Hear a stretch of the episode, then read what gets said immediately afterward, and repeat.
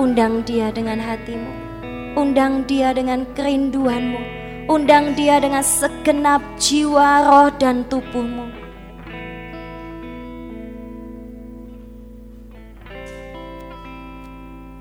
Haleluya Yesus. Mari semua berdoa, semua berdoa. Kami mau Tuhan mengalami keindahan-Mu dalam hidup kami yang mau hidup bersama dengan Tuhan, mari angkat tangan kananmu, kecap dan rasakan kasihnya tidak berkesudahan, kehendaknya sempurna. Tuhan Yesus, berkenanlah Engkau hadir di tengah kami. Kami manusia-manusia yang lemah, Tuhan. Kami manusia-manusia yang berdosa di hadapanmu. Tapi kami adalah anak-anakmu yang rindu menyenangkan hatimu. Berkenanlah Tuhan. Berkenanlah kepada ibadah kami pagi hari ini Tuhan. Kira masih Kami mengharapkan Engkau kami mau dengar suaramu Tuhan Yesus. Kami mau merendahkan hati kami, membuka pikiran hati kami, roh kami untuk mendengar yang kau mau. Kami mengasihimu Tuhan. Haleluya. Di dalam nama Yesus, segala roh kesuaman, segala roh ketidakkonsenan Tuhan, ketidakfokusan Tuhan. Semua roh yang membuat kami firman-Mu dicuri oleh iblis, kami mau halau di tempat ini di dalam nama Yesus. Dan firman-Mu ini Tuhan sungguh ya dan amin, benar dan itulah kebenaran-Mu yang akan membebaskan kami yang menerimanya.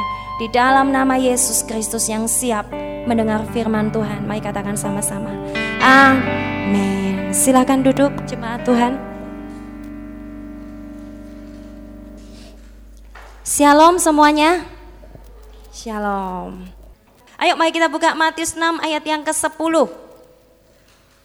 Matius pasal yang ke-6 ayat yang ke-10 saya akan coba menyampaikannya dengan cepat, ringkas, padat dan jelas ya. Matius 6 ayat yang ke-10. Doa Bapa kami, semuanya sudah hafal doa Bapa kami. Ayat yang ke-10, ayo kita baca sama-sama. Dua, tiga. Datanglah kerajaanmu di bumi seperti di surga. Hafal ya? Ayo kita tidak usah melihat Alkitab. Sama-sama. Dua, tiga. Saya akan bagi khotbah ini dalam tiga bagian. Yang pertama adalah datanglah kerajaanmu, jadilah kehendakmu di bumi seperti di surga. Ayo kita lihat yang pertama. Datang kerajaanmu. Saudara pernah enggak kalian di sini yang masih muda yang sudah ngekos dari uh, dari desa yang terpencil Anda datang ke kota yang besar gitu ya. Mungkin awal-awal biasanya mungkin 2011 atau 2010 masih mengalami yang namanya homesick. Saya mau tanya, Frankie mana? Titi Frankie. Iya. Kangen nggak sama Probolinggo waktu kamu awal-awal kuliah di sini? Lumayan gitu ya. Kangen sama apanya sih? Sama memenya di sana? Enggak ya? Apa ada? Kangen sama apa? Oh sama orang tua ya, so sweet ya. Jangan sampai ya, saya nggak kangen sama orang tua, saya lebih seneng ngekos dan selama-lamanya kalau bisa. Wah ini ini gawat nih, butuh pemulihan hati papa gitu ya. Nanti setelah pulang uh, tim konselor bisa konseling di belakang ya. Pernah kangen ya dengan kampung halaman? Semuanya pernah kangen dengan kampung halaman? Tapi lama-lama sadar tidak sadar ketika Frankie ini sudah 10 tahun, 5 tahun aja, saya percaya ini akan menjadi rumah kedua bagi Frankie. Kota Surabaya ini akan jadi rumah kedua. Sehingga beberapa orang bahkan kalau sudah Frank ini membentuk keluarga sendiri, dapat istri juga dari si MC gitu ya, uh, punya rumah juga di Surabaya gitu ya. Kalau belanja ya di Surabaya. Saya percaya tidak lama kemudian gitu ya, beberapa tahun kemudian dia akan merasa betah di Surabaya dan menganggap Surabaya ini adalah kampung halamannya, kota halamannya, mbah apa namanya gitu ya. Ini adalah kotaku. Sudah sudah familiar, sudah senang gitu ya di sini. Dan akhirnya mungkin dia bisa lupa dengan Probolinggo. Bukan lupa yang hilang ingatan, tapi pulang ya ah biasa. Pernah enggak ngalami seperti itu? Pernah gitu ya mungkin ya. Jadi ini sudah jadi rumah kedua. Tapi jangan sampai hal seperti ini dipraktekkan di dalam kehidupan kerohanian kita gitu ya. Wah, kampung halaman kita ini di surga, lalu kita di bumi, kita kecantol di bumi, kita bikin keluarga di bumi, lalu kita bilang, di mana kampung halamanmu? Bumi. Ya ini tempat aku hidup sekarang, bukan di surga. Ya, kita pernah kangen dengan kampung halaman. Sebetulnya saudaraku, datanglah kerajaanmu ini bicara tentang apa? Awal kita adalah dari surga. Dan ketika kita diutus ke bumi, rindu enggak sih kita supaya kerajaan Tuhan itu datang di bumi ini. Rindu enggak? Saya mau tanya, siapa yang kangen dengan surga? Angkat tangan. Kasih tos sama teman kanan kiri, ayo cepat pulang. Ya, ya. Ayo cepat pulang. Saya dengar-dengar dan ini berita dapat dipercaya dari orangnya sumber sendiri. 2014 diperlakukan uh, mulai global chip uh, chip tanam di Amerika Serikat. 2016 atau berapa sumbernya di sini 17 diberlakukan lebih luas lagi chipnya gitu ya. Yang awalnya cuma untuk perusahaan-perusahaan tertentu, ini untuk semua. Uh, kemudian akhirnya pesawat ya, pesawat tak bisa naik pesawat kalau tanpa chip. Jadi orang yang sudah kecantol di Amerika Serikat di mana-mana itu nggak bisa kembali ke Indonesia gitu ya, kalau nggak pakai chip. Jadi makanya sekarang pergi-pergi dulu, nanti tidak bisa gitu ya. Nanti 2017 sudah nggak bisa. Kemudian 2019, tujuh tahun keempatnya CMC. Itu Amerika Serikat sudah gila-gilaan. Chip di mana-mana tanam 666 sudah mungkin tanda kodenya gitu ya dan lain sebagainya. Antikris sudah datang. Senang? Saya senang gitu ya. Berarti Tuhan Yesus mau datang, kebangunan cepat terjadi kita pulang. Tapi saya bersyukur ya, Indonesia ini agak ketinggalan zaman jadul, KTP elektronik aja banyak yang belum gitu ya. Jadi ret, untuk retina mata, jadi kita kan nanti akhir zamannya agak telat-telat memang Indonesia itu ya. Jadi biar Amerika Serikat antikrisnya gencar-gencar Indonesia masih ya jadul-jadul sedikit itu ada untungnya. Kebangunan rohani sih lah, sebanyak mungkin jiwa diselamatkan dulu, pulaunya kan banyak. Memang begitu ya. Kerajaanmu datanglah di bumi seperti di surga. Saudaraku, kita harus sadar bahwa kita ini butuh yang namanya kerajaan Tuhan di bumi ini. Butuh supaya kerajaan Allah nyata di muka bumi ini gimana caranya? Ada beberapa banyak cara yang bisa Tuhan lakukan. Ada pemulihan, ada kebangunan rohani. Nah hari ini saya akan fokus, eh buka Yeremia 8. Ini yang mau saya bahas hari ini, Yeremia pasal yang ke-8. Ayo buka sama-sama ayatnya yang keempat sampai ayat yang ketujuh. Yuk saya baca aja ya biar cepat. Yeremia 8 ayat yang keempat. Engkau harus mengatakan kepada mereka beginilah firman Tuhan. Fokus ya semuanya. Apabila orang jatuh masakan ia tidak bangun kembali. Apabila orang berpaling masakan dia tidak kembali. Mengapakah bangsa ini berpaling terus menerus? Mereka berpegang pada tipu, mereka menolak untuk kembali uh, sampai ayatnya yang eh tujuh. Coba lihat tujuh. Bahkan burung ranggung di udara mengetahui musimnya. Burung tekukur burung layang-layang dan burung bangau. Burung apa lagi? Burung gereja burung raja wali dan lain sebagainya. Berpegang pada waktu kembalinya. Tetapi apa? Umatku tidak mengetahui hukum Tuhan. Bagaimana bisa seekor burung lebih bijaksana dari seorang manusia Kalian kalau perutnya lagi lapar, kalian ngapain? Makan. Kalau kalian lagi capek, tidur. Itu hukum. Gitu ya. Tapi ini lucu, ketika sudah waktunya burung ah, burung-burung ketika waktunya dia kembali, dia tahu kapan kembalinya.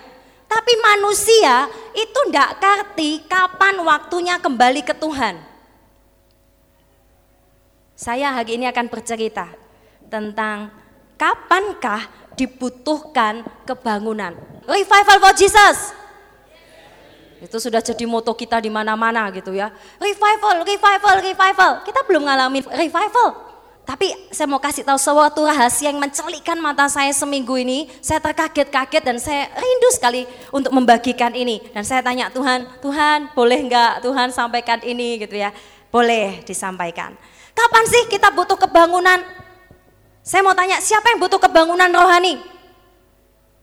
Mungkin kita ngomong kita butuh, tapi Anda tidak benar-benar mengerti artinya, tidak benar-benar butuh kebangunan itu. Kapan dibutuhkan kebangunan rohani? Satu jawabannya, jika umat Tuhan tertidur dan mengalami kemunduran rohani. Mungkin Anda berkata, saya tidak mengalami tertidur, tapi saya ternyata diselidik punya selidik, kalian, kita, saya sedang mengalami kemunduran rohani. Apa teman-teman? Kemunduran rohani. Nah, apa ciri-ciri orang yang sudah mundur rohaninya? Nah, ini sangat bahaya sekali. Kalau gereja Tuhan sedang mengalami kemunduran, gereja Tuhan ini tertidur, maka tidak akan ada keselamatan buat seluruh dunia ini. Karena apa? Gereja Tuhan ini wakil Allah yang harusnya dia tuh menjangkau, menginjil, membebaskan orang. Wakil Allah di mana Tuhan lihat e, manusia ketika lihat gereja, dia akan melihat kemuliaan Tuhan. Tapi sekarang seperti yang dulu saya pernah ceritakan, orang lihat gereja kepahitan. Orang kalau lihat gereja atau pendeta atau jemaatnya, bajunya ndak karu-karuan, buka sana buka sini. Saya lihat di sini enggak gitu ya, oblong semua. Jemaat yang casual. Orang lain bisa kepahitan gitu ya. Mungkin, wah ini kok gini ya gereja Tuhan. Mungkin lihat hamba Tuhannya kok gemuk gitu ya. Mungkin ketika pendeta full time full time-nya kaya raya tidurnya bukan di W6 tapi di apartemen gitu ya. Wih ini kelihatannya ngambil uang jemaat ini gitu ya. Banyak saya temui konseling selama ini orang muda, orang tua gitu ya. Kalau anak-anak enggak sih. Mereka pada kepahitan dengan yang namanya gereja dan pelayanan. Kepahitan. Berapa banyak yang kepahitan dengan papa mama rohaninya? Berapa banyak kita tidak pernah bisa menghormati pemimpin-pemimpin kita itu terjadi dan ini sebe iblis merusak gambaran gereja di akhir zaman ini hancur-hancuran seperti halnya iblis merusak gambaran Bapa di dunia. Kalau punya survei gambaran Bapa di dunia ini sudah dibuat iblis hancur-hancuran. Betul nggak? Betul. Dari 100% orang di tempat ini berapa banyak persen kita yang gambar papanya benar Papa yang mengayomi. Papa kalau anaknya jatuh dipegang lagi dan tidak ditampar, dikatakan bisa lagi jalan. Papa yang tidak otoriter, yang tidak maksa. Papa yang menghormati. Berapa banyak? Mungkin orang tua atau kakak atau saudara yang melecehkan anak-anaknya sendiri. Itu begitu banyak, baik dalam hal fisik maupun jiwa. Dan itu sangat menyakitkan. Seperti halnya itu, iblis juga mau rusak gambaran gereja bisa-bisan. Sehingga semua orang akan benci dengan yang namanya gereja, tidak suka dengan yang namanya orang Kristen, dan tidak akan ada kemuliaan Tuhan. Itu tujuan iblis. Pegang ini baik-baik ya, fokus. Nah teman-teman oleh karena itu, kita harus tahu kita ini butuh kebangunan. Ada beberapa 25 tanda ciri orang yang sedang mundur rohaninya. Tapi karena banyak sekali, saya hanya ambil sembilan. Untuk lengkapnya nantikan edisi Transform berikutnya. Minggu ini akan beredar. Lihat 25 ciri. Itu ada banyak sekali. Saya mau ungkapkan. Dah ya, nggak ada yang ngantuk ya. Ciri pertama. Doa itu tidak menjadi yang terpenting. Ayo, doa tidak lagi jadi yang terpenting buat Anda. Betulkah itu? Tidak lagi menekuni firman kalau dulu ya lagi lahir baru tekun. Baca Alkitab itu satu gini cepat. Satu tahun mungkin, enam bulan mungkin, wah cepet gitu ya. Tapi kalau sekarang baca loncat-loncat, aku dosa lah sama-sama saya. Baca loncat-loncat, oh Mazmur 25, oh sudah hafal, sudah ngerti. Kalau sudah ngerti biasanya bacanya cepat-cepat, betul? Betul atau betul? Sudah ngerti gitu ya? Oh ya ya ya. Kita puas dengan apa pengetahuan yang kita dapat dulu ketika kita lahir baru dibimbing. Kalau dulu misalnya ya eh, Yosef dibimbing oleh Koniki, dikasih makan, disuapin satu-satu, misalnya dia bayi rohani yang betul-betul masih bayi. Dia ingat semuanya sampai mungkin 10 tahun lagi dia masih mengandalkan pengajarannya yang dari papa rohaninya disuapin. Oh ini, kalau ini tuh artinya ini, dipegang terus. Tapi dia sendiri tidak terus menggali dan menggali. Itu ciri orang yang sudah mundur rohaninya. Puas dengan apa yang sudah diajarkan dulu. Ya. Yang kedua, gampang menyesuaikan diri dengan gaya duniawi. Gampang menyesuaikan diri dengan gaya duniawi mungkin bahkan rohani. Jadi kalau di gereja berubah gaya rohani. Nanti kalau sudah pergi sama teman-teman di mall GM berubah gaya duniawi. Nah ini ciri Anda sedang mundur rohaninya. Saya tidak katakan orang yang mundur ini tidak cinta Tuhan loh, enggak. Ini orang-orang yang dulunya pernah ngecap kasih karunia Tuhan, sudah pernah cinta Tuhan, sudah pernah mengalami kebaikan Tuhan, tapi mundur. Ya, jadi gampang menyesuaikan, mungkin bunglon begitu ya. Tidak memfokuskan dirinya dengan hal-hal rohani. Kalau bisa, tidak usah utak-utak saya di dalam bidang rohani. Mau diajak komsel, jangan ganggu itulah. Biarkan saya, ya memang saya sudah begini gitu ya. Ada orang-orang seperti itu. Dan saya tidak menghakimi mereka. Ini kita sama-sama mengalami seperti itu. Kita gampang menyesuaikan diri kalau dulu mau pegang internet, mau buka gambar, misalnya ketik satu kata, keluar gambar. Dulu mau ketik itu kasih uh, gemetaran tangannya. Wah mungkin gemetaran sampai bersujud-sujud gitu ya. Aduh ya apa ya kok rasanya, aduh ndak enak, ndak enak. Sekarang ketik cedek, dak dikduknya cuma 10 detik, dek, dek, dek, dek, dek, dek, dek, dek. Ceng. Kemudian kita begitu gampangnya untuk melakukan hal-hal seperti itu. Kalau dulu kita kalau nggak ke gereja tuh rasanya, aduh Tuhan, kok aku nggak pernah ke gereja lagi ya Tuhan. Kalau sekarang nggak ke gereja se, se, seminggu dalam sebulan kan nggak apa-apa, uh, kuliah aja ada absennya gitu ya. Kenapa gereja tidak ada absen? Gitu ya kan? Boleh gitu. Nah, teman-teman, Anda sedang mengalami kemunduran. Yang ketiga, ibadah dan khotbah tidak menggugah lagi. Dikotbahi kayak apa pun, Anda tetap ngantuan. Firman Tuhan kayak apa pun, selucu apa pun, secantik apa pun seperti saya, tetap ngantuk. Tetap ngantuk. Pemain musik sudah kayak apa gitu sampai drumnya jebol, tetap uh, Anda sedang mengalami kemunduran rohani. Ibadah nggak gugah hatimu lagi. Yang dulunya gampang tersentuh gitu ya. Kalau misalnya CF itu sudah ngomong, ayo kita sembah Tuhan. Uh aku pengen sembah Tuhan. Kalau sekarang Neni sudah Ayo saudara sembah Tuhan. Dia Bapa yang melindungiku, dia pasti melindungimu. Tidak menggugah lagi. Gimana dengan keadaan kalian yang ketiga? Masih menggugah enggak ibadah hari Minggu? Ada dua sih. Yang pertama memang salah pelayannya. Ada para pengkhotbah, kalau saya belajar, itu mengkhotbahkannya itu dengan tertata, dengan rapi, supaya itu jangan ada yang kelewat ya. Saya sih satu halaman, mungkin dia sepuluh halaman itu baca namanya pidato gitu ya. Jangan ada yang kelewat gitu ya. Ini dari otak nyampe nya ke otak gitu ya. Jemaat diajak berpikir. Akhirnya wajahnya mengkaut semua waktu dengerin firman gitu ya. Pulang jadi pusing gitu. Ada juga yang mungkin begitu saking mengalirnya gitu ya. Ada juga. Tapi Tuhan ingin mungkin dari hamba Tuhannya salah juga, tidak mempersiapkan, tidak doa, pemain musiknya juga. Tapi faktor kedua, jemaat juga tidak bisa digugah lagi seperti batu. Anda sedang mengalami kemunduran rohani. Dari tiga tanda ini, apakah ada Anda salah satunya? Mari kita coba yang keempat. Melakukan dosa tetapi tidak gelisah lagi. Dan pakai alasan-alasan.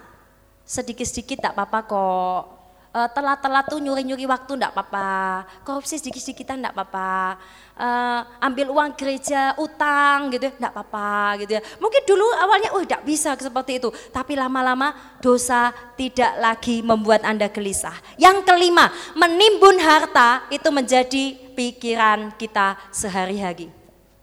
Gimana dapetin uang? Gimana dapetin uang hari ini? Kerja apa lagi ya hari ini? Nyambi apa lagi ya hari ini? Satu belum diselesaikan, pikirin apa lagi ya? Pikirin apa lagi? Fokusnya duit terus. Sudah pasti Anda sedang mengalami kemunduran.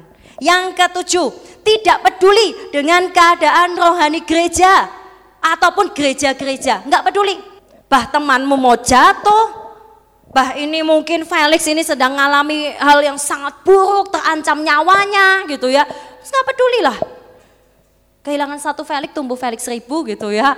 Yang seperti dia, oh, kita nggak peduli lagi dengan keadaan gereja. Saya mau tanya, ketika Tuhan atau hamba-hamba Tuhan atau kohadi atau saya ceritakan gitu ya mungkin Anda dengar eh hamba Tuhan gereja A itu loh dia mengkorupsi 1 M kira-kira gimana reaksi hati kita ada reaksi-reaksi tambah bersuka cita yes gerejaku tidak melakukannya ada reaksi-reaksi puji Tuhan aku tidak melakukannya ada reaksi begini oh kalau hamba Tuhan sebesar itu aja bisa melakukannya apalagi saya gitu ya. Maksudnya berarti dia bisa lebih gede gitu, jangan gitu ya. Ada reaksi yang selanjutnya, dia langsung berlutut dan berkata, Tuhan gerejamu sudah hancur, namamu dipermalukan, aku melok malu Tuhan. Ada banyak reaksi. Kalau Anda tidak tersentuh lagi dengan hal-hal seputar kerajaan Tuhan, sekali lagi, maka Anda sedang mengundurkan diri dari Tuhan. Tidak menggugah lagi, bah gereja mau apa, gereja sana mau ngapain, gereja sana. Itu tidak lagi menjadi bahan doa kita, tidak lagi jadi tangisan kita. Itu kita sudah mengalami kemunduran. ya. Tidak peduli dengan kemerosotan yang ada. Kemudian, tidak ada lagi nyanyian di dalam hati kita. Anda sedang mengalami kemunduran rohani. Orang yang fire, on fire dalam Tuhan, itu hatinya ada nyanyian. Kalau yang nari, mungkin ada ada tarian. Mungkin yang main drum ke mana-mana gepuk-gepuk gitu, enggak ya. Mungkin dia ada nyanyian di hatinya, bukan masalah gepuk tidak gepuknya. Nyanyian di hati, nyanyian di hati itu rasa syukur, ada sukacita. Kalau sampai tidak ada lagi nyanyian dalam hati kita, atau nyanyi-nyanyian yang kita nyanyikan tadi itu tanpa makna lagi, Anda sedang mengalami kemunduran. Yang kedelapan, betah dengan keadaan Anda sendiri. Jadi ada satu pernyataan lucu, kalau gereja itu sedang mundur secara korporat, gereja ini sedang akan mengalami kebangunan. Kita belum mengalami kebangunan. Kebangunan itu luar biasa. Kalau sampai gereja ini belum mengalami kebangunan, terus sedang mundur, terus jemaatnya merasa betah duduk, duduk, datang gereja, pulang, betah, dan tidak membuat dia jerit sama Tuhan, maka Anda sedang mengalami kemunduran juga. Jadi orang yang mundur, itu di tempat suasana yang jangan sampai gitu ya misalnya suasana tempat ini mundur kalian betah-betah aja enggak apa-apa ikut ke gereja bukan berarti tambah enggak mau ke gereja ini harusnya menggugah anda nangis di tempat doa anda masing-masing Tuhan, gerejaku butuh kebangunan. Tuhan, aku butuh kebangunan. Rekomku tambah sidik Tuhan. Banyak jiwa-jiwa terhilang, butuh kebangunan Tuhan. Harusnya begitu. Harusnya kalian tidak betah dengan keadaan kalian. Yang terakhir, sembilan. Air matamu sudah mengering. Keadaan yang menyedihkan tadi, di mana kita sudah mundur dari Tuhan, tidak lagi membuat kita nangis. Jadi kita sudah enjoy dengan keadaan kita. Itu bahaya sekali. Anda sedang mengalami kemunduran rohani. Ayo kita bahas lebih lanjut. Bagaimana supaya ketika orang buta mendatang pada Yesus, orang lumpuh sama Yesus, pernahkah tulis dalam Alkitab ketika orang buta itu jalan sama Yesus, dia berkata, Tuhan, aku ingin, uh, dia buta ya, aku ingin makan. Tuhan, aku ingin kakiku ini bisa lari lebih cepat. Dia buta, tapi yang diminta bukan mata, tapi yang lainnya. Ini bicara tentang kebutuhan kebangunan itu kebutuhan atau pilihan. Harusnya kebangunan adalah kebutuhan. Ketika kita tahu keadaan rohani kita begitu buruk, ya kita harus mengakui bahwa saya ini butuh kebangunan. Kebangunan tidak akan pernah terjadi. Saya salah dulu, saya pikir kebangunan akan terjadi dengan sendirinya. Saya percaya tujuh tahun ketiga ini tiba-tiba, wah dahsyat, um, bulan kedua, pintu gerbang dibuka, peperangan luar biasa. Kita mungkin berpikir, ya itu setelah itu apa? Akan terjadi kebangunan. Saya mau kasih tahu kebangunan tidak terjadi sedemikian tiba-tibanya. Harus dimulai dengan satu hal, kebutuhan yang sangat mendesak dari umat Tuhan. Perhatikan kata-kata saya. Kebangunan akan terjadi pada diri Anda kalau Anda membutuhkannya Ada rasa kebutuhan yang mendesak sekali. Sampai kalau itu tidak dibutuhi, ras, enggak, sampai rasanya mau mati rasanya gitu mungkin ya. Itu kebutuhan yang sangat mendesak. Eh, sering kali gini, kita bilang kita butuh kebangunan, tapi butuhnya sewaktu-waktu tok. Kalau saya sakit, oh Tuhan saya butuh kebangunan, saya butuh pemulihan atau ketika habis diputus cinta sama pacarnya gitu ya. Jadi kan rasanya lemes gitu kan, rasanya kok enggak bergairah. Terus rasanya, aduh Tuhan aku butuh kebangunan ini Tuhan, butuh kebangkitan ini. Itu kebutuhan sewaktu-waktu. Kebangunan rohani, the great revival akan terjadi kalau ada kebutuhan yang sangat mendesak dari umat Tuhan. Dan yang kedua, setelah Anda punya kebutuhan yang sangat mendesak ini, apa yang akan terjadi? Orang kalau butuh ngapain sih? Cari dong. Anda kebelet pipis, cari kamar mandi. Saya pernah kebelet pipis gitu ya di jalan dan sangat memalukan sekali gitu ya. Saya harus numpang ke orang-orang gitu ya. Tidak ada pom bensin sudah kebelet gitu ya. Waktu dulu saya ke Madura, saya ketok pintu orang tidak kenal siapa gitu. Pokoknya rumah di desa. Bu, pinjam kamar mandinya ya bu. Dipikirnya ini siapa gitu ya. Karena sudah kebelet cari. Itu sudah kebutuhan, nggak bisa gini. Nanti ya setelah Surabaya ya. Kalian los-los perut, nyanyi-nyanyi untuk perut, tak bisa. Ini sudah kebu Tuhan. Atau Anda nggak punya duit, Anda pingin makan, makan kebutuhan kan? Anda bilang apa? Eh aku nggak punya duit loh ya. Kamu harus puasa sampai seminggu, nunggu kiriman datang. Mungkin Anda akan segera di UGD. Itu kebutuhan. Kalau kebutuhan eh, kebangunan sudah jadi kebutuhan Anda, anda akan mencarinya gila-gilaan. Percayalah, Anda akan cari Tuhan. Cari Tuhan. Kalau enggak ketemu di gereja sehari aja mungkin ibadah kok rasanya kering. Waduh, enggak puas. Di rumah cari Tuhan lagi. Cari sembah Tuhan lagi. Itu loh ciri orang yang rindukan kebangunan. Karena dia cari Tuhan, firman Tuhan bilang, e, carilah maka kamu akan dapat. Ini ini prosesnya. Ketika umat Tuhan mencari dengan luar biasa, maka Tuhan akan datang melawat umat Tuhan. Jadi lawatan hadirat Tuhan, sekali lagi saya garis bawah, itu bukan kebangunan. Mungkin doa malam, mungkin lawatan ketika di ibadah, itu belum kebangunan, itu baru hadirat Tuhan. Karena kita mencari Tuhan. Dan kebangunan itu akan ada hadirat yang luar biasa kalau Anda mencari Tuhan.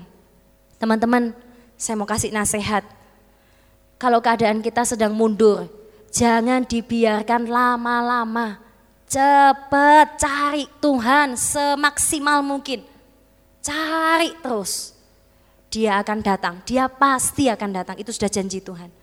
Dan ketika hadirat Tuhan itu luar biasa turun atas gereja ini, atas Anda, di kamar-kamar kita masing-masing, apa yang terjadi? Selanjutnya, proses selanjutnya, Anda akan berdoa dengan luar biasa. Berdoa luar biasa itu gimana? Pernah saya ceritakan kebangunan di Hebridge dan Ken Campbell. Ketika ada seorang bapak, ketika dalam perkumpulan para pemimpin-pemimpin. Dia tiba-tiba berdiri, dia waktu itu bersama-sama dengan doa-doa. Tidak ada terjadi apa-apa, doa-doa merindukan Tuhan. Tiba-tiba dia berdiri, tercatat dalam sejarah ketika dia berdiri dan berdoa dengan suara lantang. Dia berkata, Tuhan engkau sudah berjanji akan memberikan kebangunan rohani. Dia mengatakan begini, begini, begini. Tiba-tiba apa yang terjadi? Semua kota ketika mereka keluar, loh kok lampu nyala semua? Jam 4, jam 3 pagi seisi kota kecil itu tercatat mereka goncang oleh sesuatu, mereka pada gelisah, nangis di tempat masing-masing. Lampu semua pada dinyalain. Ketika ada orang yang berdoa dengan luar biasa. Dan mungkin Tuhan sedang menunggu kita. Saya mau ceritakan lebih lanjut. Inilah doa yang luar biasa. Doa luar biasa ini bukan sekedar doa meminta-minta, enggak. Ini doa di mana kalau ini tidak dipenuhi, ini enggak, ini doa yang menyangkut seluruh hidupmu. Itu doa yang luar biasa. Engkau akan berkata menjerit, Tuhan datang kerajaanmu. Seolah-olah engkau akan menjerit kalau kerajaanmu tidak datang Tuhan. Buat apa aku di muka bumi ini? Aku hidup untuk melihat kemuliaanmu. Aku hanya akan serahkan semua yang kumiliki untuk melihat kerajaanmu datang. Itu doa yang luar biasa. Dan doa semacam ini seperti di warta yang Anda pegang itu doa yang berbahaya buat iblis. Doa yang paling berbahaya buat iblis adalah Matius 6 tadi, ayat 10. Datanglah kerajaanmu. Jadilah kehendakmu di bumi seperti di surga. Itu doa paling berbahaya. Ayo kita lanjut lagi ya. Setelah doa yang luar biasa, apa yang terjadi? Kebangunan. Dan kebangunan ini luar biasa juga. Terjadi di mana-mana semua gereja pemurnian, pembongkangan. Oh itu akan gila-gilaan, dicungkir balik sama Tuhan. Itu baru namanya kebangunan. Sekarang kita belum mengalami kebangunan. Terus apa tugas kita? Saya berpikir saya dulu bisa mengadakan kebangunan rohani. Saya bisa bantu Tuhan untuk melakukan kebangunan. Saya salah. Kebangunan tetap hak Tuhan untuk melakukannya. Tetapi gereja berfungsi menyiapkan diri Contoh ketika kita sudah benar-benar ya cari Tuhan, ada hadirat Tuhan, kebangunan, doa dan lain sebagainya. Lalu jiwa-jiwa berdatangan. Tuh anak-anak jalanan di bawah pada masuk semua. Dia datang ke atas dan bilang, "Kak, aku berdosa, Kak. Tolong doain saya, Kak. Ada iblis, Kak, yang mencengkam saya. Lepasin saya." Kebingungan. Cari Ci Silvi. Wah, cari Kotian nih doanya paling kenceng mana ya Kotian ya, gitu ya. Wah, 100 anak nyerbu kita. Kak, saya berdosa. Kebangunan akan terjadi luar biasa loh. Dan itu akan terjadi di semua gereja. Tapi saya rindu gereja ini menjadi salah satu gereja yang dipersiapkan Tuhan juga. Nah kalau seperti itu, ibadah harus diadakan tujuh kali. Siapa pemain musiknya? Mau main musik tujuh kali? Sekali aja C nasi bungkusnya mana? C nggak dapat nih gitu. Biasanya kalau ibadah dua kali kan dapat satu gitu ya. Ini nggak dapat nasi bungkus beli di bawah sendiri ya. Itulah yang dinamakan Tuhan akan memakai kita. Kita nggak bisa ngadakan kebangunan. Tapi kita harus punya kebutuhan yang luar biasa akan kebangunan. Mengerti teman-teman bapak ibu? Ngerti ya? Oleh karena itu kita harus menyiapkan diri. Ketika lawatan itu datang kebangunan itu datang anda sudah siap Siap, kita sudah sewa ya kaya 400 orang. Siapa mau datang? Silakan. Sudah siap. Kalau kita masih di ruko, nggak siap. Mau diadain ibadah berapa kali? Kalau itu datang. Saya tantang Anda, gembala-gembala Rikom. Kapan Anda multiplikasi? Untuk mempersiapkan kebangunan. Kebangunan harus dikerjakan dengan hebat. Kebangunan bukan karya manusia, tapi kebangunan harus dikerjakan dengan luar biasa. Amin. Saya tantang Anda. Ayo gembala-gembala Rekom, kapan tahun ini Anda mau multiplikasi? Laporkan ke saya. Pembimbing, jangan senyum-senyum. Anda juga harus ditantang. Kapan Anda berani untuk menggembalakan? Dan yang lainnya jemaat Tuhan juga jangan, eh asik aku tidak jadi apa-apa. Anda lebih parah lagi, kapan Anda mau mulai melayani gitu ya. Ini kok ngamuk-ngamuk sih hamba Tuhan yang ya ngamuk dengan kasih gitu ya, memukul dengan kasih. Tenang, nanti habis ini tak pok-pok lagi ya. Anda harus mulai melayani, harus menggembalakan, harus mulai perhatian ke jiwa-jiwa dong. Ini yang namanya persiapan, ini yang namanya mengerjakan kebangunan dengan sebaik-baiknya. Lanjut ya. Oke. Yang kedua, jadilah kehendakmu Saudaraku, doa untuk membawa api Allah di dalam mesbah baru adalah landasan yang paling penting adalah ketika Anda memburu hubungan dengan Tuhan. Itu adalah satu dasar yang terpenting supaya Anda bisa dapat api Tuhan. Dah, perhatikan kata-kata saya. Memburu hubungan dengan Tuhan. Saya tidak ngerti kisah kalian dengan Tuhan gimana. Saya tidak ngerti gimana kalian bermesraan dengan Tuhan gimana. Setiap orang punya cara. Tapi saya rindu kita semua punya kerinduan yang sama. Cari hubungan dengan Tuhan. Terus, kenapa? Ini satu-satunya cara Anda bisa kenal kehendak Tuhan. Omong kosong kalian mengatakan, saya kenal kehendak Tuhan, ini jodoh dari Tuhan, ini bukan, jelas-jelas. Lu kok tahu? Karena satunya ganteng, satunya jelek. Itu bukan kehendak Tuhan. Itu hatimu dewek. Kalau kau ingin tahu kehendak Tuhan, hubungan dengan Tuhan, baru Anda akan mulai mengenal kehendaknya. Saudaraku, saya pernah mendengar gitu ya, ada orang yang begitu intim dekatnya sama Tuhan tuh setiap kali ada orang begitu deket sama Tuhan tuh membuat saya iri just, uh, jujur gitu ya Nggak tahu iri kudus atau nggak kudus kecampuran mungkin tapi itu membuat saya gelisah Saya baca buku-buku orang-orang yang mencintai Tuhan dan mengatakan cinta itu menyakitkan. Kalau engkau tidak mencintai Tuhan sampai sakit, itu bukan cinta. Waduh, cinta menyakitkan tuh koyo opo gitu ya. Mencintai itu sampai sakit. Mungkin begini ya, kalau saya tafsirkan, jangan ditafsirkan bebas ya, kita tafsirkan sama-sama. Kalau Anda tidak ketemu Tuhan sehari, itu sakit. Kalau di gereja tidak ketemu Tuhan tapi ketemu CFI, Anda akan sakit. Pulang dari sini Anda akan nangis. Kok CFI tok sih Tuhan? Bosen aku, aku pengen Tuhan. Sakit. Cinta itu harus sampai menyakitkan. Tapi jangan dengan manusia ya. Kalau dengan manusia cinta sampai menyakitkan, itu berarti cinta jiwani. Jadi, waduh kamu kok udah telepon sih, sakit aku gitu ya. Ini ini ini nggak benar gitu ya. Kamu kok udah SMS aku sih gitu ya. Sakit ini aku karena mencintaimu. Tahu gak sih kata CFI, cinta itu harus menyakitkan. Awas ya. Itu bukan cinta, itu nafsu kalau itu. Ya, nafsu itu harus dapat sekarang. Tapi kalau dengan Tuhan itu enggak.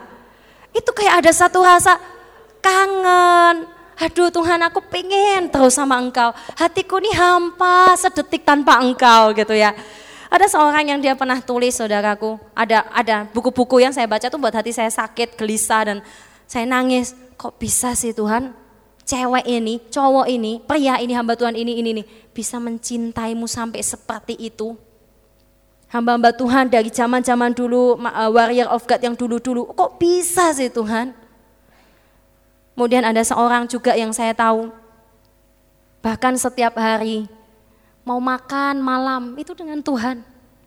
Saya tidak habis pikir, makan sambil ngomong-ngomong, Tuhan kekasihku malam ini begini-begini dia cerita, saya tidak bisa ceritakan ya. Tadi makan malam kita berdua sungguh indah. Gitu ya. Kemudian dia tulis, dia rajut sesuatu, lalu dia persembahkan untuk Tuhan. Mungkin rajutan kalian beleot-beleot gitu ya, jahitan kalian tidak karu-karuan. Tapi itu diberikan dengan tulus ke Tuhan. Tuhan terharu. Saya terharu suatu saat saya ikut menghitung uang persembahan gereja sama Cik D. Gitu ya, sudah lama nggak dihitung, saya bantu hitung.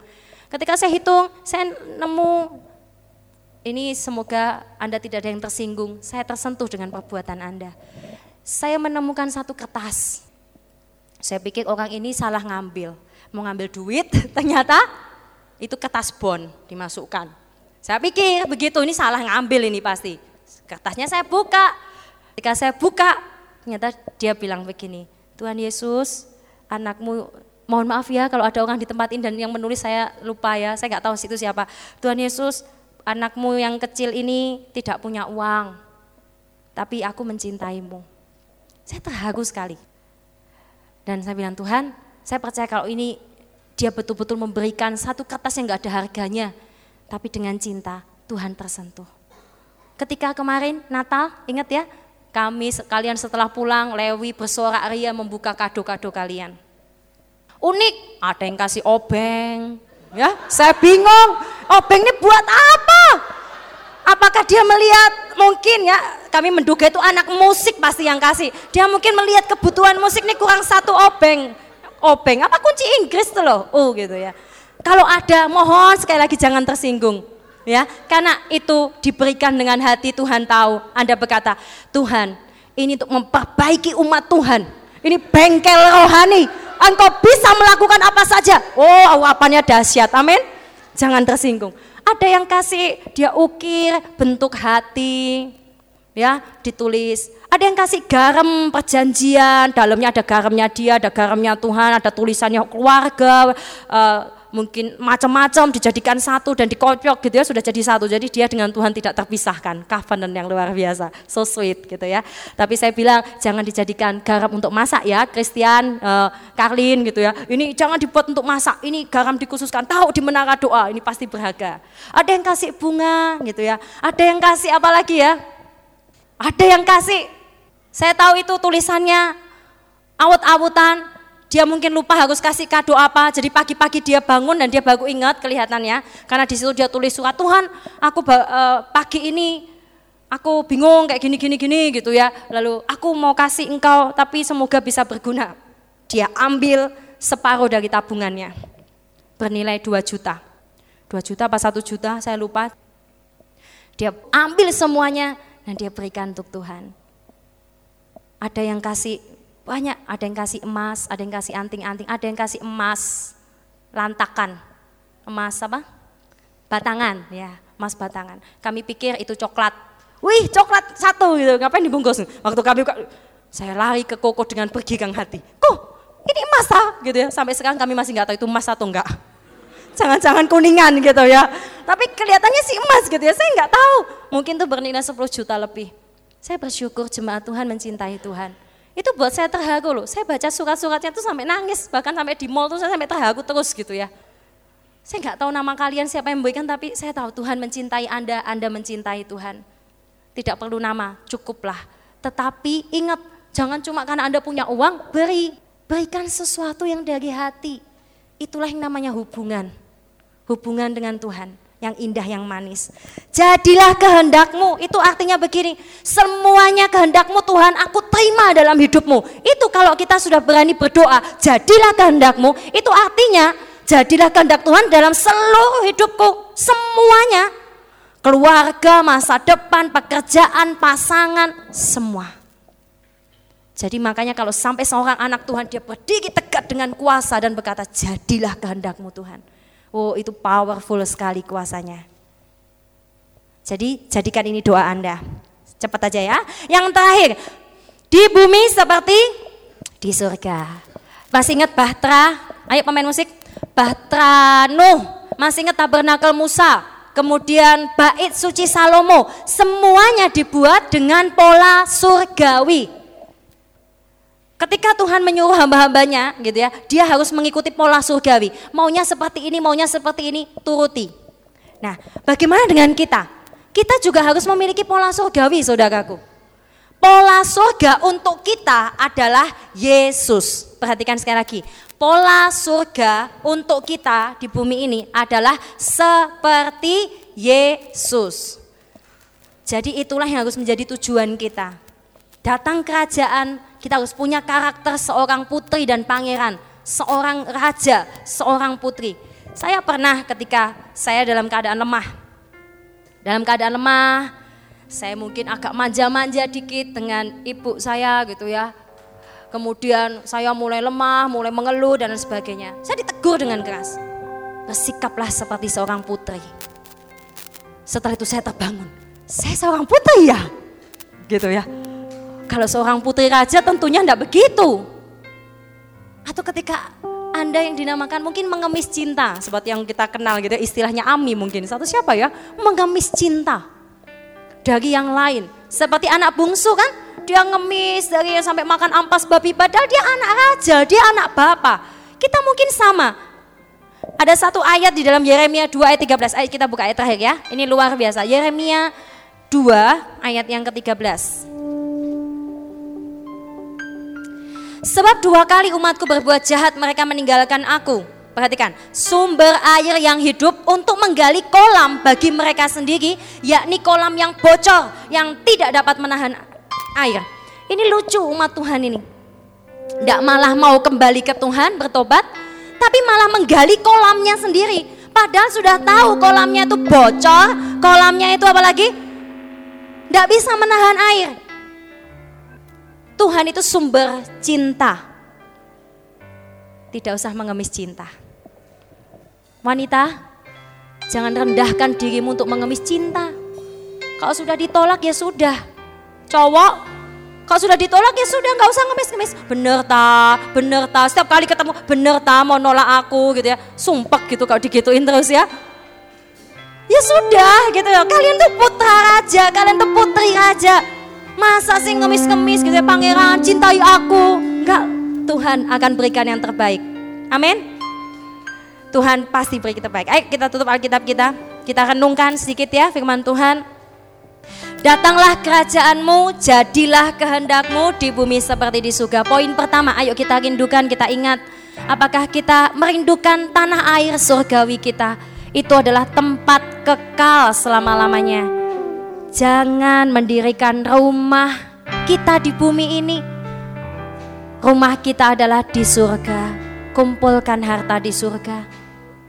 Layani Tuhan, cintai Tuhan, hidup bersama Tuhan itu nikmat.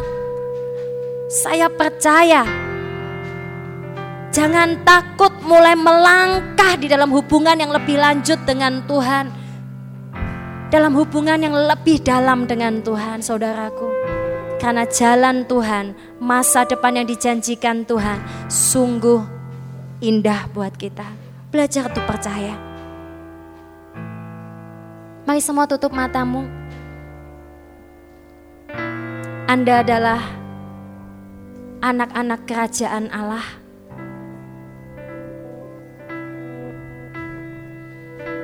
Tangkap pesan ini baik-baik. Kebangunan akan terjadi kalau umat Tuhan sangat membutuhkannya. Sadar bahwa dia itu sudah mengalami kemerosotan, sudah mengalami banyak hal yang tidak semestinya harusnya gereja Tuhan. Sadari dan minta hari ini sama-sama sepakat. Tuhan, Berikan aku hati yang sangat merindukan pemulihan, sangat merindukan kebangunan, sangat merindukan kerajaanmu datang. Saya jamin orang-orang yang sangat merindukan Tuhan, dia akan mengejar Tuhan. Saya rindu Tuhan akan mendapati orang-orang di tempat ini, orang-orang yang mencintai Tuhan, yang tidak curiga terus dengan Tuhan, tidak menghakimi Tuhan, Jangan menghakimi Tuhan. Dia baik, dia baik buat kita. Cari Tuhan. Dan satu saat tidak lama lagi, setiap Anda akan berdoa dengan luar biasa di rekom-rekom Anda. Anda akan berdoa dengan luar biasa di kamar-kamar doa Anda dan menggoncangkan sekeliling Anda. Api itu akan datang ketika engkau merindukannya. Kerajaannya pasti dan harus datang. Saya rindu kerajaannya datang lewat hati-hati orang-orang di tempat ini yang dimurnikan oleh Tuhan. Jadilah kehendakmu ya Tuhan. Jadilah kehendakmu atas hidupku, seluruh hidupku dan masa depanku. Beranilah untuk berdoa seperti itu. Jangan mengajari Tuhan bagaimana caranya. Mari berserah. Ambil waktu berdoa. Saudaraku siapa di antara jemaat yang saya kasihi, adik-adikku, bapak ibu semuanya. Engkau merasakan ketakutan akan masa depan. Di tempatmu masing-masing buka kedua tanganmu. Tidak usah diangkat tinggi, buka saja kedua tanganmu lambang kau mengaku di hadapan Tuhan. Kau takut akan kehendak Tuhan dalam hidupmu. Saya pernah mengalaminya, saya sering mengalaminya. Saya begitu takut akan kehendak Tuhan. Saya berkata Tuhan gimana kalau saya nanti menderita? Gimana kalau nanti saya begini, saya begitu, saya begitu. Belajar percaya kepada Tuhan. Buka tanganmu, akui bahwa Tuhan saya takut. Tapi saya mau percaya kehendakmu sempurna Bersamamu itu indah Tuhan. Bersamamu itu indah. Yang kedua, siapa jemaat Tuhan? Engkau yang betul-betul merasa bahwa engkau sedang mengalami kemunduran. Orang yang mengalami kemunduran masih bisa berkhotbah loh. Orang yang mengalami kemunduran rohani masih bisa pimpin pujian. Orang yang mengalami kemunduran rohani masih bisa pelayanan. Tapi engkau tahu dalam hatimu yang paling kecil, aku sedang mundur dari Tuhan. Jangan sombong. Buka kedua tanganmu juga di hadapan Tuhan. Jika Anda mau mengaku di hadapan Tuhan, maka Anda sedang mengatakan, "Aku butuh pemulihan." Dengan demikian Anda membuka tangan Anda menyatakan bahwa Anda sedang membutuhkan kebangunan. Dan orang-orang yang butuh kebangunan adalah orang-orang yang mencari Tuhan. Orang yang tidak betah lagi dengan keadaannya.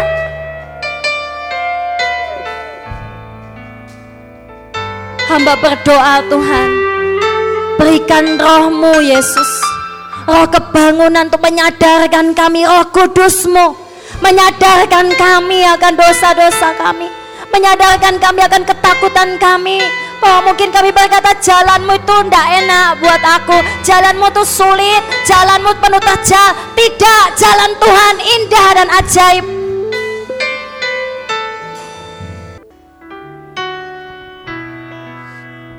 Sampaikan pesan ini kepada semua anggota-anggota Rikom, kepada teman-teman Anda. Sadarkan mereka, sadarkan umat Tuhan. Mereka butuh Tuhan, mereka butuh kebangunan. Sadarkan bagaimana keadaan kita ini sudah mundur, sudah jauh dari Tuhan. Saya berdoa transform akan mengubah banyak orang akan mengubah dan menyadarkan gereja-gereja. Saya berdoa radio, ladang-ladang misi kita, tujuh voice pelayanan kita. Ayo, sadarlah terlebih dahulu dan mari kita bergerak. Kebangunan adalah karya Tuhan. Tetapi harus dimulai dari diri kita yang betul-betul sadar kebutuhan yang sangat mendesak, kebutuhan yang luar biasa kesadaran bahwa Anda ini pendosa. Kesadaran bahwa kita ini sombong. Kita ini tidak kenal Tuhan. Dan kita butuh Tuhan.